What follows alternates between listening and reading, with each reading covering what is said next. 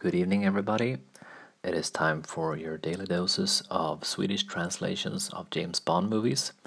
Today we're we leave the 70s behind and go for 1981's uh, For Your Eyes Only. Oh, and by the way, it is March 19th today. Uh, I'm gonna dive straight into the translation here because there's a bit to explain.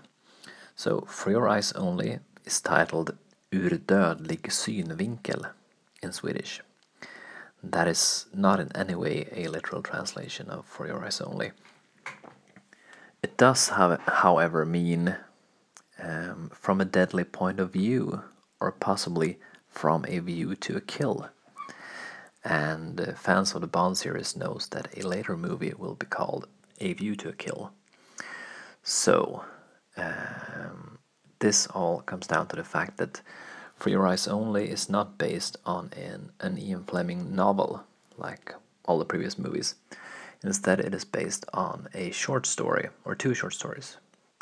Uh, one called For Your Eyes Only and one called Risico, both being a part of the collection of short stories called For Your Eyes Only. And that short story was in Sweden called Ur dödlig synvinkel because the first short story in that collection was From a View to a Kill, and that was pretty literally translated to Ur dödlig synvinkel.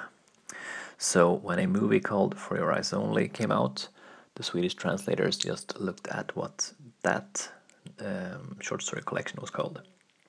So basically, the Swedish translators used the wrong title for this one. But still, Ur dödlig is a pretty good title. Uh, the beep is coming, so I guess that's it. James Bond will return.